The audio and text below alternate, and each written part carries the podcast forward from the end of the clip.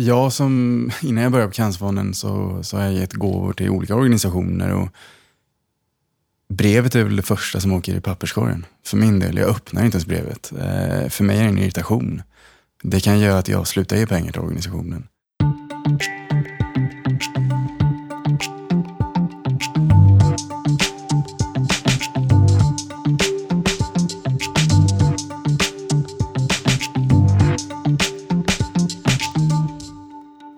Henrik. Ja! Ja! Ny vecka, nya möjligheter. Det är lite så man känner den här veckan faktiskt. Ja. Du, eh, du är ju halvvägs till eh, 100 år. inte än. Inte än. Ja, vi måste vara väldigt noga med, med det där. Jag har mer än ett år kvar. Ja, det är bra. Eh, internet. Ja. Vad, är, vad vet du om det? Ja, men där vet ju jag ganska mycket. Jag var ju med från det att det liksom var kontakt in och bling, bling, bling, bling. Eh, och man var jätteglad för att man kunde skicka ett mejl och det inte blev en fax. Och faxen kom ju på rulle. Så att jag har ju ändå varit med ett tag.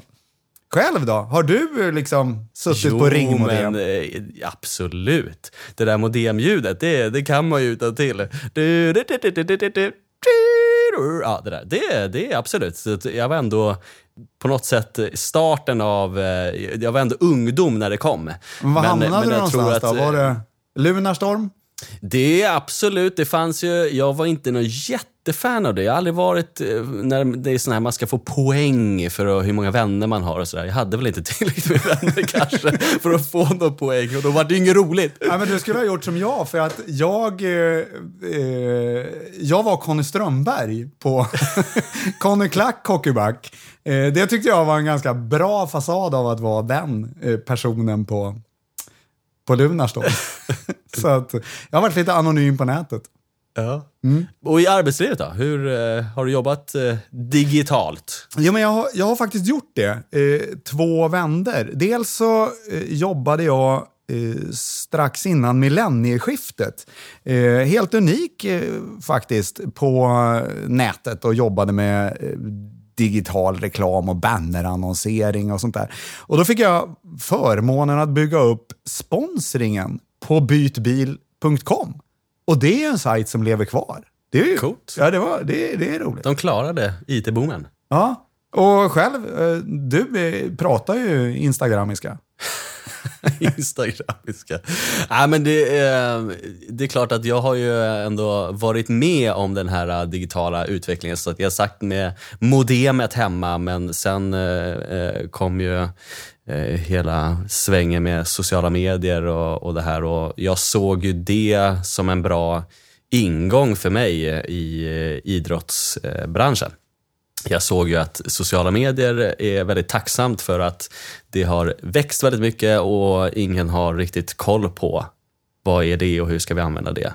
Så att där såg jag min ingång i, i branschen och sen har jag jobbat väldigt mycket med just digital kommunikation. Det är ju egentligen bara en annan sätt att kommunicera med folk och att det har ju bara förändrats hur man på vilket sätt, men det har ju bara växt och blivit en större del av, av eh, människors liv. Så att det digitala, det går ju in i det mesta idag. Ja, det gör ju det. Eh, och jag, det ska bli spännande att, att träffa vår gäst idag, för att jag är ju väldigt mycket det personliga mötet. Ja, men du och jag kommer från eventbranschen och det är ju liksom den bakgrund jag har. Men, men eh, sen har jag jobbat väldigt mycket med kampanjer, men då, då känner jag att då har ju jag inte liksom blivit den digitala experten, utan det har alltid funnits någon som har varit bra digitalt, precis som det har funnits de som är bra på brevet som, som Johan som var här förra veckan och sådär. Så det, det ska bli en liten avstämning för mig hur mycket jag kan egentligen. Det kanske blir du som får ställa alla frågor för att jag förstår inte vad han svarar. Liksom. Jag har ingen aning. Nej, men det ska bli skitkul och då kan du ju berätta då. Vem är det vi ska träffa idag och vad ska vi prata om?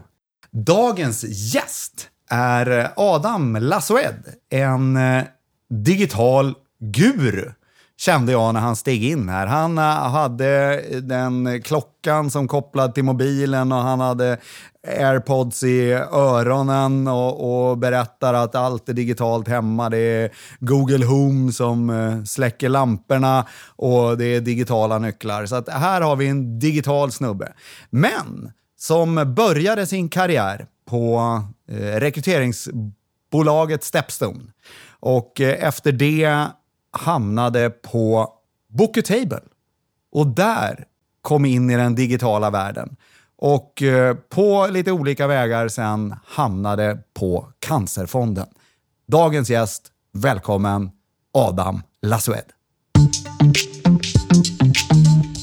Adam Lassued. Yes. Väldigt roligt att ha dig i Insamlingspoddens studio på Östermalm. Kul att vara här. Eh, du jobbar på Cancerfonden Ja. Och har en titel som är lång och svår. Och hipp. Eh, nej, men jag är ansvarig digital marknadsföring och Martech.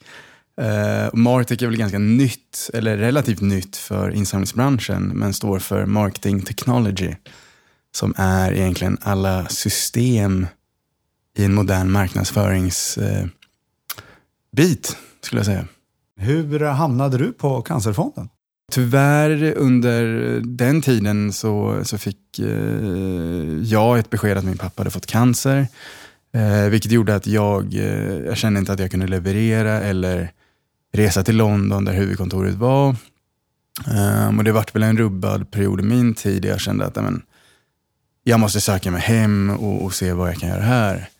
Och av en slump så, så var det en rekryteringskontakt som eh, tipsade om att Cancerfonden skulle göra en digital transformation. Eh, och att de söker en e-com manager. Eh, och på den vägen var det att jag hamnade på Cancerfonden. Där jag är nu. Och har varit över, strax över tre år. Ni är ju numero uno, number one, om man tittar på FRIs hemsida insamlade medel. Ja, Var det, vart det tjo och kim när ni ja men det är klart det är en lycka. Det är, eh, det är fint att vi, att vi har svenska folket bakom oss som, som hjälper oss att samla in så mycket pengar till att besegra cancern. Eh, så det är klart vi är väldigt eh, glada och tacksamma för det förtroendet. Eh, men men eh, det finns ju andra aktörer som också jobbar närheten av oss. Och det är klart, det, det är en tuff bransch. Det är en tuff marknad.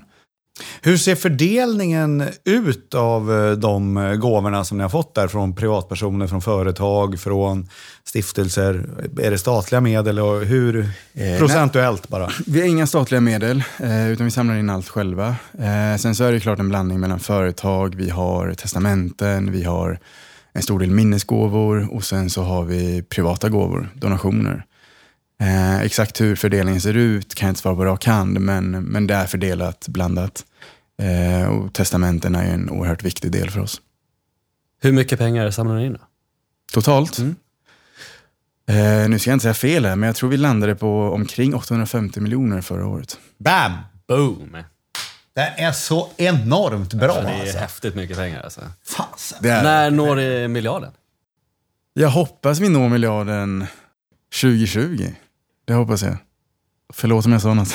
nej, men, nej, men det hoppas jag verkligen. Vi, vi, vill, ju, vi vill ju nå den gränsen eh, tillsammans med svenska folket. Och hur mycket samlar ni in eh, digitalt? Eh, Ett ungefär, alltså, eh, om man jämför med de andra kanalerna. jag skulle säga att vi samlar in 87 miljoner eh, digitalt. När jag var in på er sajt och skulle ha reda på dig Mm. eh, så får man scrolla mycket.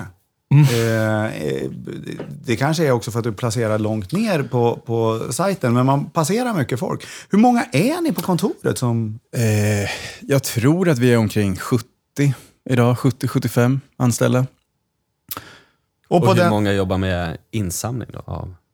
Ja, vi har ju en företagsdel, eh, sen så har vi en testamentesdel, vi har en eh, del som jobbar med privata donationer eh, och sen så har vi ju en, en marknadsavdelning som jobbar med insamling också. Eh, så jag skulle säga att vi är omkring 15-20 kanske, som jobbar med det. Och hur har din eh, resa på Cancerfonden sett ut? Allt annat än rak.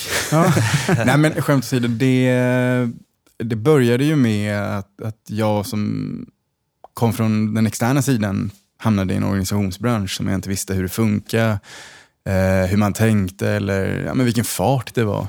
Så att för mig har resan varit eh, upp och ner. Det har varit eh, mycket kämpande men också mycket glädje. Ehm, och det är väl glädjen man tar med sig, men också att man ser de här fina resultaten som vi lyckas eh, få ihop tillsammans. Ehm, men, men en resa ska ju inte vara rak. Det ska ju vara utmaningar på vägen. Och du var inne på det själv att uh, när du kom dit så gjorde man en satsning på, i, uh, hos Cancerfonden. Vad, hur såg den ut? Det var väl mer uttalat att, att vi, vi vill växla upp digitalt. Um, sen så fanns det väl ingen definition exakt hur eller vad man skulle göra. Det är väl eh, på senare tid man har börjat definiera vad vi vill som vision eh, och att vi nu jobbar utifrån att nå mot visionen. Så att eh, jag skulle säga att resan har precis börjat. Eh, precis som för många av våra kollegor i branschen, att, att bli mer digitala. Så hur såg det ut när du kom in? Var det tre och ett halvt år sedan? Vad sa du? Ja, ungefär strax över tre år. Hur såg man på digital insamling då? Nej, men det, var väl, det var väl inte högst upp på listan. Eh, det viktigaste var väl som för många andra att få in givare, månadsgivare, eh, lottköpare, minnesgåvor. Men sen så hade man ju en hemsida men eh, man visste inte riktigt kraften i hur man kunde använda hemsidan och det digitala mediet. Eh, men man visste att vi behöver bli starkare och vi vill bli starkare. Så att man var ju väldigt öppna för att att göra det. Ehm, men det är klart, det digitala, det är ju i många ögon en jobbig resa. Um, och jag tror det finns en rädsla som, som inte behöver finnas. Att det digitala ska ta över. Um, och det, det behöver det inte göra. Vad är det som är, är en jobbig resa i det? Då? Ja, men jag kan tänka mig många ställen där man har varit att, att nämner man att man ska bli ledande digitalt, då tänker väl många ja, men det här kommer bara innebära att man förändrar allting och att man slutar jobba med DR, man slutar jobba med autogiro-blanketter. Eh, men att det snarare kanske betyder att man behöver koppla ihop de här.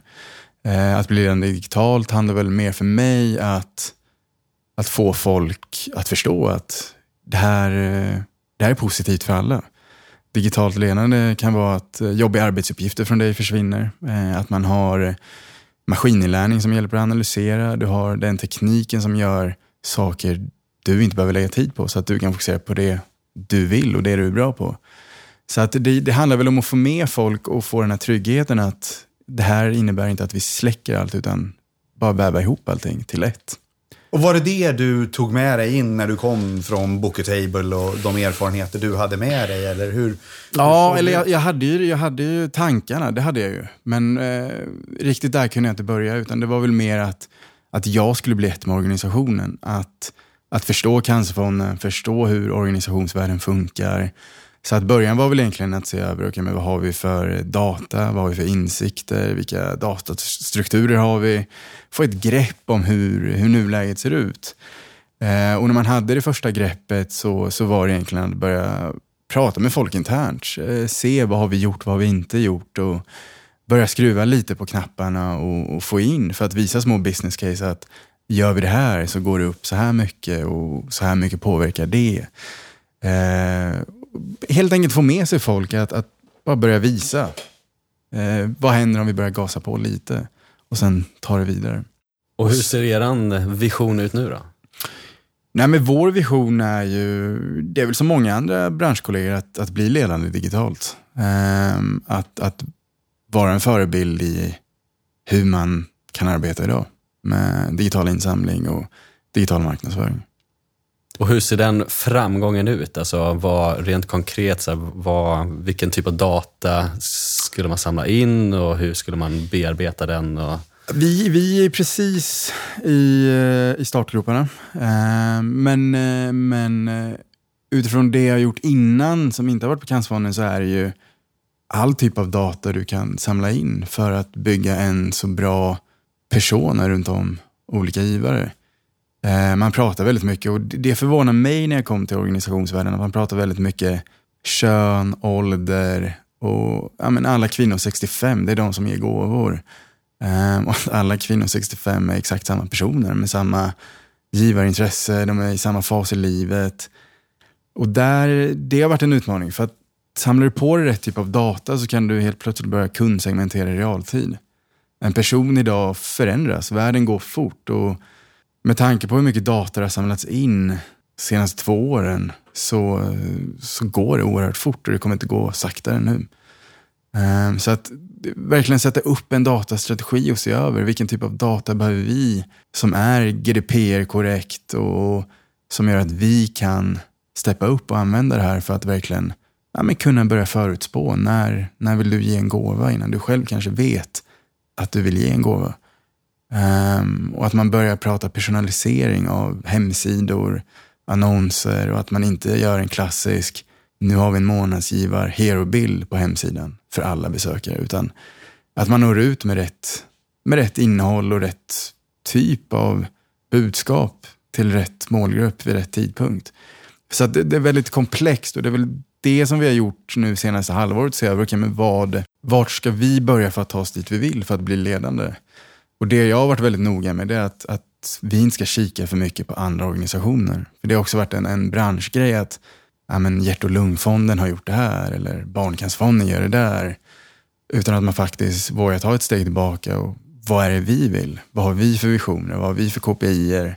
Eh, vad har vi för möjligheter? Eh, och vad har vi för givare? Alla, alla har olika. Men det är en branschgrej att titta på hur, eh, hur våra partners jobbar. Var tittar ni inspirationer från om ni inte tittar mot andra organisationer? Är det internationellt andra organisationer eller är det andra branscher? Jag kollar, jag kollar väldigt mycket på eh, andra branscher. Eh, e-handelsbolag, jag kollar på business to business-bolag. Eh, men sen så ser jag till att verkligen förkovra mig mycket med information från utlandet. Asien, USA, där, där de är i framkant när det kommer till eh, rätt marknadsteknologi och hur man kan jobba med data på rätt sätt. Ehm, så jag kollar väldigt lite på hur branschen jobbar. Ehm, och det, förvånar väl ganska många. Många tycker att man borde kolla mer på det, men jag kan se det i förbifarten och det gläds, jag gläds när jag ser en kampanj gå bra för andra partner också, men jag, men jag kollar inte så mycket. Ehm, utan jag kollar hellre på externa aktörer.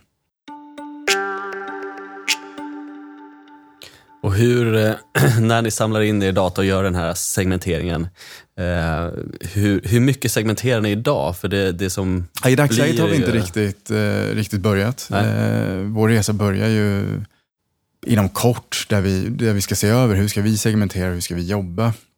Men, men i dagsläget så försöker vi. vi. Vi testar oss fram, hur kan vi väva ihop kampanjer analogt, digitalt vilken typ av data behöver vi? Så att i dagsläget är vi fortfarande i startgropen att, att börja göra det vi pratar om här idag.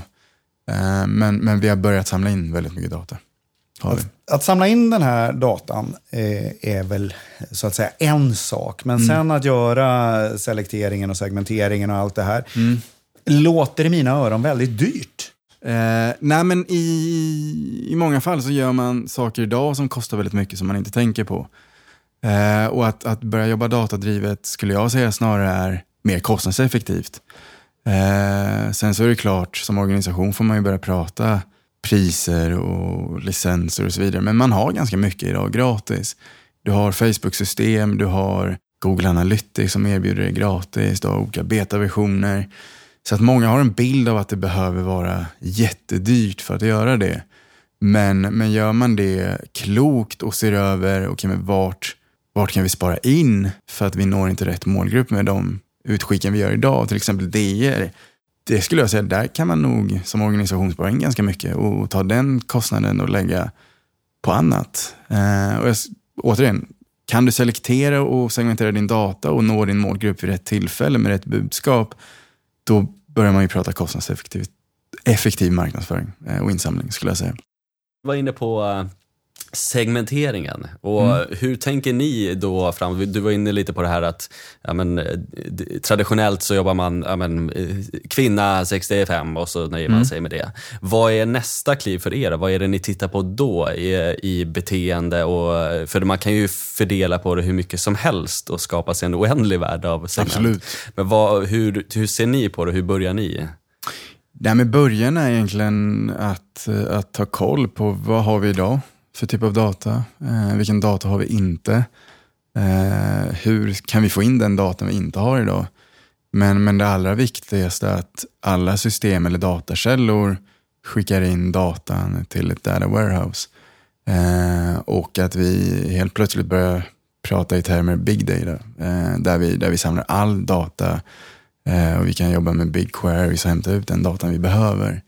Men, men när man kollar segmenteringen dit vi vill så är det mycket ja, men ha så bra koll på dig analogt, digitalt, eh, dina intressen, eh, givarvilja, vad har du gått in på, vad är du intresserad av? Eh, och verkligen få ett så bra grepp om dig som möjligt för att kunna ge dig egentligen det du behöver i rätt tid. Eh, så min, min dröm och vision är att vi ska kunna ha ett Cancerfonden för alla som, som är rätt för exakt alla olika människor. Eh, sen om vi kommer dit eller när, hur, det, det, det vet jag inte. Men det, det, är en vision och en dröm som jag besitter att personalisera på riktigt. Eh, att verkligen vara rätt för dig när, när du är i kontakt med oss på ett eller annat sätt. Finns det någon risk där bara? Jag tänker utifrån att eh, ibland så kan man få eh, kommunikation som känns som att ja, men det här ska vara anpassat för mig, men det kan bli nästan lite för personligt. Att mm. man känner att oj, nu sitter de på massa data om mig här. Ja, men jag tror, så här, om, man, om man är väldigt transparent mot sina givare eh, och mot allmänheten, att de här systemen har vi, de här systemen samlar in den här typen av data och ett kapitel att med den här datan så, så kan vi göra det här. Och vi gör det för att. Att man, att man pratar ja, men mycket som, som Apple och Tesla, att man pratar om det här why. Vi gör det för att ge dig det du behöver. Um, och jag tror att det är klart det finns risker. Det finns ju de här klassiska retargeting-annonserna där man fattar att ah, men, ni har allting om mig. Eh, och ni gör det väldigt klantigt. Ni, ni gör en annons med hej du glömde checka ut. Köp din t-shirt för 700 spänn. Och den följer efter dig hela tiden. Eller när du ska köpa en present och annonsen följer efter dig och någon annan i din närhet som skulle få presenten ser det. Så att det gäller att sköta det väldigt, eh, väldigt bra på ett bra sätt. Eh, sätta upp etiska regler och principer för återigen vilken data ska vi samla in? Vad, vad är det för data vi har behov av och inte samla in för mycket eller onödig data. Eh, och det är där regelverken är viktiga, att, att ha den här datastrategin, att ha koll på vad för data behöver vi och hålla sig till den gränsen. Och sen göra på ett fint sätt, att det inte blir creepy, förföljande och att man vågar testa sig fram. Eh, blir, det, blir respons negativt, ja men då vet man och då får man ta tillbaka eller börja i mindre skalor för att se och skala upp det. Men det där du säger om eh, annonser som förföljer en mm. och allt sånt där. Jag tycker det är ju alldeles för, för vanligt. Liksom. Det är det. Har du något konkret exempel på något eh, mindre eller större projekt som ni har lyckats genomföra hittills, där ni har då med hjälp av data lyckats bli mer kostnadseffektiva? Jag kan väl säga vi, vi har haft olika projekt där vi har haft data inblandat på ett eller annat sätt. Eh, en kampanj var Rosa bandet för, ja, vad kan det vara, två år sedan. Där vi egentligen började analysera om eh, bröstskolan som det heter, lär känna dina bröst. Eh, det är egentligen en undersida där man, eh, där man får massa innehåll om hur du ska känna på dina bröst för att veta att du har bröstcancer eller inte. Um, och det, det var en klassisk cancerfondsida, fullsmetad med text, knappt några bilder, det var någon videofilm om du klickade vidare. Det var också en väldigt besökt hemsida. Så att där gjorde vi en analys och såg att nej, men den, vi kan göra ett test här. Vi, vi förenklar det och så gör vi något som eh, på byråsidan heter Powerpage eh, för SEO. Att den blir så stark så att den sprids och driver in massa länkar så att den, eh, den blir starkare på Googles träfflista. Så att vi gjorde om den och eh, gjorde den mer grafisk. Vi hade en infografik om hur du kan känna i olika steg, vad du ska göra. Eh, och sen så längst ner hade vi skapat olika bloggkit där bloggare kunde ladda hem det och sprida på sina sidor. Uh, och det var ju ett steg och sen så började vi annonsera på Facebook där vi, vi, vi hade lite svårigheter i och med att vi jobbar med cancerrelaterade frågor och både Facebook och Google är ju inte de lättaste när det kommer till sjuk, eller sjukdomsannonsering, eh, medicin och så vidare. Så att vi testade att göra en annons med eh, två bröst egentligen som var tecknade som cupcakes och tänkte, ja men det här kanske går igenom eller inte. Och mycket riktigt så, så gick det igenom men det stängdes ner ganska fort av Facebook för att det var könsorgan. Vi gjorde om det här eh, till att eh, egentligen vara pixliga bröst. Det såg ut som två fyrkanter. Eh, samma grafiska färger och allting, det var fortfarande tecknat. Eh, och tänkte, ja, men nu går det väl till en, en människa på Facebook som kommer sitta och granska och se att det är Cancerfonden som gör det här. Släppte inte igenom det och eh, vi fick eh, hela vårt Facebook-annonskonto nedstängt. Eh, vilket inte alls var kul. Eh, mitt under Rosa bandet som är en av våra största insamlingsperioder. Vi hade en kampanj och vi hade massa annonser som låg ute. Så att vi hade en, en väldigt smart kollega som eh, snabbt eh, gjorde ett öppet brev eh, till Facebook då, där vi då la upp på Facebook och vi fick lite media på det tillsammans med ett bra arbete med PR-avdelningen eh, som snappade upp det här. Och eh, vi testade en tredje gång och fick det nedstängt igen och till slut så gick det så långt så att Facebook i USA gick ut och bad Cancerfonden om ursäkt och öppnade upp allting, vilket gjorde att vi vi fick in väldigt mycket trafik, vi fick uppmärksamhet på det. Um, och vi blev också etta som bästa digital aktivitet på Innehavsgalan 2017. Um, så det var en oerhört rolig kampanj där data var inblandat, där vi var snabbfotade på att agera och jobba med, med att förändra i realtid och testa oss framåt. Um, så det har väl gett oss lite mer smak för att, att jobba med data. Coolt, få Facebook och be om ursäkt. Det är inte ja, det, det, är häftigt. Det är jättehäftigt. det är starkt. Verkligen. Förra veckan hade vi ju eh, Johan Norby som är insamlingschef på Operation Smile här. Mm. Eh, han älskar brevet och han hade en hyllning till brevet som jag tänkte vi skulle spela Spännande. upp för dig. Eh, så kan väl du eh, säga dina känslor efter att ha lyssnat på det? Brevet är eh, svårt att, att överträffa. Vill vi bara komma ut med information så finns det många fler, fler möjligheter. Men vill vi också beröra ordentligt, komma riktigt, komma, komma riktigt nära människor, nästan komma in under skinnet på människor, då är det är ett brev med starka bilder och ett väldigt personligt tilltal oslagbart. Och varför är det så? Är det för att man får just det här fysiska hemmet och har något att ta på? Är det det som är grejen? Eller vad är det som, som gör brevet så starkt? Ja, det jag tror det gör brevet så starkt är att det, att det är någonting du håller i handen. Det är någonting som du håller i handen och det, du får inte så mycket brev längre. Eh, man kan, man kan jobba med att, att jobba med, med e-post till exempel. Oerhört effektivt, eh, kostnadseffektivt och bra sätt att kommunicera på och nå fram med information. Men jag tror att man blir lite mera än i, ett, ett i mängden där och du, du kan liksom inte sitta kvar med det i handen på samma sätt, klämma och känna på det. Du läser det på skärmen precis som du läser allt annat som du får på skärmen. Men brevet, där har du ju möjligheten att, att jobba med olika typer av format, du kan jobba med olika typer av papper för att skapa en känsla som du, aldrig kan, som du inte kan på annat sätt. Du har ytterligare dimensioner med ett brev. Det blir fler, du vänder, använder dig av fler sinnen som jag tror är stor möjlighet. Och vad känner du? Eh, nej men jag, jag instämmer mycket i han säger. Brevet kommer inte försvinna för att man blir ledande digitalt eller för att alla pratar digitala trender. Men däremot så ska brevet skickas till de som agerar och fortfarande vill ha ett postalt utskick hem. Eh, den unga generationen, många äldre, eh, vill inte ha brev, papper hem. Eh, det är en stor miljöfråga ute idag. Man vill bli bemött i andra kanaler. Alla är olika. Eh, så att jag tror att organisationer snarare än att tänka utskick till alla DR-mässigt ska börja se över vilka är det som faktiskt agerar på DR? Vilka ska vi skicka till? De som inte agerar, ska vi göra något annat? Vart finns de? Hur ska vi prata med dem? Och sen så är det en problematik med DR. Man får ju inte ut den datavolymen och precisionen som man får med digitala aktiviteter.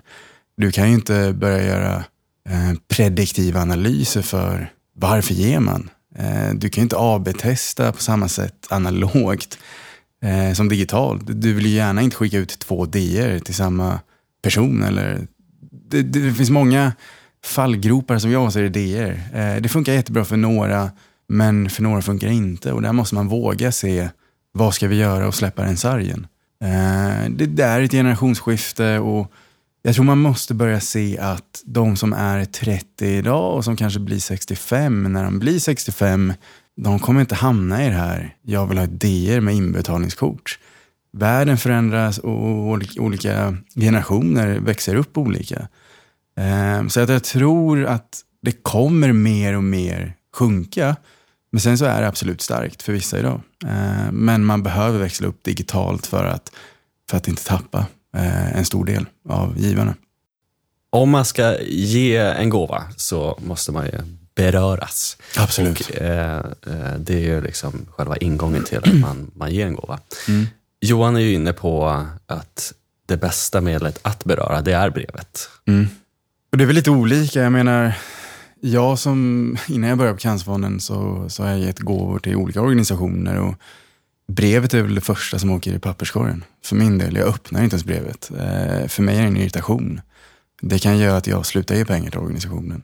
Eh, det som har berört mig sker ju innan brevet kommer. Eh, för brevet kommer oftast när jag har gett pengar till en organisation. Och jag skulle säga att jag i alla fall och många andra blir berörda på olika sätt. Men för mig är det viktigt att se hur blir jag bemött av organisationen på första sätt? Vad för typ av innehåll? Känns det som att de, de tilltalar mig? Eh, ja, men då kommer jag ge. Kan de sen bemöta mig och jobba med customer marketing på rätt sätt, där man har koll på givaren, att, att efter donation, hur vill den här givaren bli tilltalad och bemött? Är det på rätt sätt för mig, ja men då kommer jag fortsätta. Och då kommer jag bli månadsgivare och sen så kanske jag ger ett testamente. Och det är återigen det här med datastruktur och segmentering. Att att väva ihop det analoga digitala, att bli ledande digitalt, handlar ju exakt om det. Att få ihop alla källor och att du får ett kundkort. Vad är det här för givare? Hur ska vi bemöta? När och med vilket budskap? Kan man lösa det, då kan du börja prata om, om lojalitet på ett annat sätt. Eh, för då börjar du plötsligt förstå givaren på en mycket djupare nivå. De som vill ha idéer kommer få idéer. Eh, de som inte vill ha det kommer få det på ett annat sätt. Lite blandat. Det, det kan väcka känslor, det kan, för många funkar men, men för mig så är brev något som åker i papperskorgen. Det och alla mäklare som skickar, nu har din grannes lägenhet sålts för det här. Eh, som också har fel budskap. Så att det, det, det, det är inget man kan sköta i realtid. Och mäklarbranschen är väl ett typexempel på att det är också en irritation. Jag menar en granne som säljer en etta, det hjälper inte mig. Eller en granne som sålde en femma. Det, det, det, ger inte mig ett sug att sälja eller att köpa Så du någonting. går inte en etta eller femma med andra ord? nej, nej. Ja, där någonstans emellan. Men, men nej, så jag skulle säga att DR, brev, nej. Jag tror för en stor del så är det inte det som gör att du fortsätter ge. Om jag, om jag går in på cancerfonden.se mm. Eh, idag och ger en mm. gåva. Hur kommer ni att följa upp då? Kommer jag någonsin få ett brev? Eller, I dagsläget är det klart att du kommer få ett brev. Eh, och i, i den här transformationen, i vår vision, så är, ju, så är det ju att i framtiden ska du få ett brev om det är ett brev du vill ha. Eh, är det en annan kanal eller annan miljö, då ska vi ha så bra koll på det så att du blir bemött så som du vill. Men det är en resa och vi har precis börjat eh, att se hur, hur ska vi ta oss an och hur ska vi göra det. Så att idag så kommer du få det. Eh, absolut. Och det är en stark kanal för oss. Där. Ja, jag måste bara ta eh, eh digitaliseringen för dummies. Eh, lite så. Eh, nej, men alltså för många organisationer då finns det ju bara en givarcykel. Mm. Då, då trillar du in eh, och så får du ett brev. Mm. Det spelar ingen roll hur du har, utan det kommer brevet och så sen mm. så fortsätter du att ge och, och, och, och så, så mm. är det så. Menar du att eh, i framtiden så, så kommer var och en av alla 100 000, 250 000 eller hur många givare man nu har eh, vara personaliserade? Ja, det kommer inte vara en givarresa för respektive. Eh, men sen så är det svårt att säga i framtiden. Det sker så stora förändringar snabbt digitalt. Men, men i dagsläget skulle jag säga att en givarresa så som branschen pratar är i mina öron fel. För en givarresa börjar så mycket innan du faktiskt väljer att donera pengar. Eh, det finns så oerhört många touchpoints där du möter Operation Smile för första gången eller Cancerfonden eller eh, Röda Korset eh, som organisationen kanske inte har koll på. kollar man då eller på Cancerfonden, kollar man på Cancerfonden så, så under oktober månad så kan du beröras av Rosa bandet. Och det för många kan vara en första touchpoint, att, att eh, köpa en rosa produkt eh, och på så sätt skänka pengar till cancerforskningen. Så att en givarresa börjar ju inte nödvändigtvis i att du går in, beställer ett inbetalningskort, blir månadsgivare, donerar pengar eller på ett eller annat sätt börjar din köpresa. Sen så är det ju klart en givarresa, men, men det finns en rad olika givarresor och där måste branschen bli bättre på att faktiskt ta sig ur och börja se ur ett mer eh, helikopterperspektiv. Och det är där man behöver datan. Vart, vart är våra givare? Vart är de olika resorna? Ehm, har man en informations och stödlinje, ehm, ja, men då börjar vissa eh, resan där. Att man söker information. Och det kan vara väldigt blandat. Det kan vara att du bara söker efter cancerbehandling, eller vad är cancer? Och på så sätt snöra in på det och där börjar din resa. Eh, så att man måste verkligen ha koll på vad har vi för olika touchpoints och vart börjar resorna? Och där måste branschen bli bättre. Om du får eh, nu eh, sitta i insamlingspodden som du gör och mm. ge ett tips eh, till en liten organisation som skickar lite brev då och då. Mm. Och så har de några mobilnummer mm. och så skickar de lite sms. Och så har de Facebook och på Instagram ska man finnas. Mm. Lite så. Hur ska man ta tag i det digitala material som man har och hur ska man börja arbeta? Hur ser tipset ut där? Nej, men det enklaste är väl egentligen att, att mäta. Eh, gör man innehåll digitalt, se till att sätta upp en eh, UTM-taggning så att du vet vad, uh, vad för typ av trafik du driver in. Eh, börja testa det fram. Eh, men jag skulle säga att analys, börja analysera hur, hur ser flödena ut? Vad är det för typ av trafik vi får in? Får vi vilken volym får vi in och hur mycket donerar de? Um, så att jag skulle säga att det viktigaste är att börja analysera sin egna organisation och se vart vill vi? Snarare än att börja titta som liten organisation på Cancerfonden eller Rädda, Rädda Barnen och tänka dit vill vi, så där ska vi också göra. Eh, som jag nämnde tidigare så har ju alla olika förutsättningar, man har olika kopior, visioner och givare. Ha koll på din organisation, vart vill du och börja analysera. Börja få koll på vilk, de insikter du kan få ut ganska enkelt. Våga ta ut data och börja testa dig framåt. Våga göra fel. Det skulle jag säga är den viktigaste. Våga göra fel för att göra rätt. Många vågar inte göra fel i vår bransch. Då har vi kommit till skarpa frågan. Oj, spännande. Oj, oj, oj. Håll i hatten. Ska man svara snabbt? Nej, det behöver absolut inte göra. Eh, frågan är, vad, vad tycker du går gränsen för givande? Vad är okej att ta emot pengar ifrån? Vapen, snus, alkohol, godis eller i ert fall kanske mat? Eh, oj, det var verkligen en skarp fråga. Jag, eh, jag är ganska säker på att jag kanske inte är rätt person eh, att besvara den frågan. Eh, men för oss är det väldigt viktigt att, att verkligen besegra cancer så att en av tre inte drabbas av cancer utan att vi får ner den siffran. Eh, men jag skulle säga att jag inte är rätt person att svara på den frågan. Eh, det har varit fantastiskt roligt att ha dig här i, i insamlingspodden. Inte bara för att du har dragit ner medelåldern på, på våra gäster, utan för den kunskap du besitter. Mm. Oerhört intressant. Kul, kul att få komma. Eh, vi brukar alltid fråga våra gäster och nu har vi börjat snurra några avsnitt här. Eh, mm. vad, vad, skulle du vilja lyssna på i insamlingspodden nästa avsnitt till exempel? Ja, men det skulle vara väldigt intressant att faktiskt höra om någonting som har gått riktigt fel och se om man lyckas få ut det av någon. En kampanj som har gått fel, vad man har lärt sig, eh, hur man hanterar det. Men, men det och inte höra alla skönhetshistorier utan någon som vågar prata om det alla vi har berörts av. Något som har gått fel. Det skulle jag vilja höra mer om. Det där är en jäkligt bra utmaning. Verkligen. Den där ska vi få tag på, den personen. Spännande, ring inte mig. Insamlingsforum är ju snart. Vi kommer att jaga runt där för att hitta någon som har gjort en, en, en kampanj som gick fel. Ja. Eller om det är någon som vågar komma till oss. Just det. Man kan ju. Ta steget. Man, man kan vara anonym. man kan, Nej, det får man inte vara i podden. Man kan skriva till oss och då gärna på insamlingspodden på Instagram. Och känner du att du har gjort eh, det här och inte vill dra det i flödet kan du alltid skicka ett direktmeddelande. Så funkar Instagram. Adam, en high five på att du har varit här. Tack! Tack själva. Jättekul att få komma. Alright, då har vi precis släppt ut Adam ur dörren. High fiveat och tackat. Ja, vad känner du här? Känner du att du... Har du blivit något klokare? Jag har nog faktiskt blivit lite självsäkrare på min kunskap inom det här området. Jag kände att jag är inte så okunnig inom det här som jag, jag trodde. Vad känner du?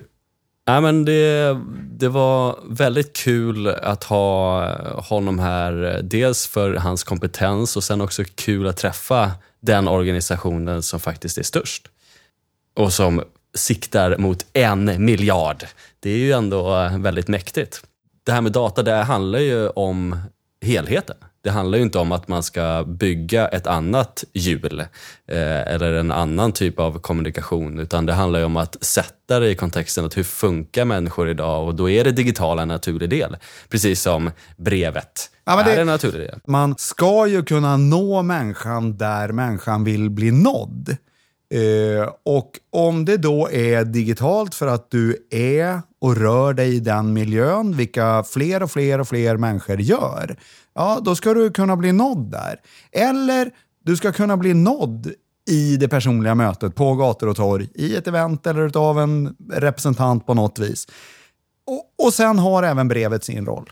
Men det gäller där, och han var ju väldigt noga med det här med kostnadseffektivt hela tiden. Det, var, det, det nämndes många gånger. Ja, men det ska bli väldigt intressant att, att följa deras arbete och se vart det, vart det leder och, och kunna ta in dem om eh, några år igen. Och då kanske vi har Insamlingspodden fortfarande och får, får göra en uppföljning. Hur, hur har det gått? Och sen var det ju intressant det här vi kom in på lite att han har ju en personlig relation till, eh, till cancer och hans eh, pappa. Och så är det ju med, med många av oss, att alla har vi på något sätt någon relation till cancer. Och, sen är det, och det är väl också kanske en del av, av såklart framgången för, för eh, Cancerfonden att alla, för att, vi ska, för att man ska ge så måste man beröras och, och alla är vi ju på något sätt berörda av cancer.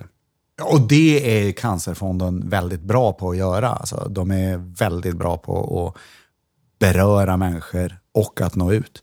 Ja, men det, är, det är ju härligt när, när människor brinner för någonting. Även fast det i väldigt många fall rör sig om, om tragiska saker. Om det är sjukdom, eller om det är fattigdom eller nöd. Och jag, jag gillar det här brinnet som du tar upp som ett exempel där. Och mer brinn blir om en vecka då, då kommer vi mer fokusera på hjältar, men hjältar som brinner. Och nästa vecka kommer ni att få träffa Sveriges bästa insamlare genom tiderna.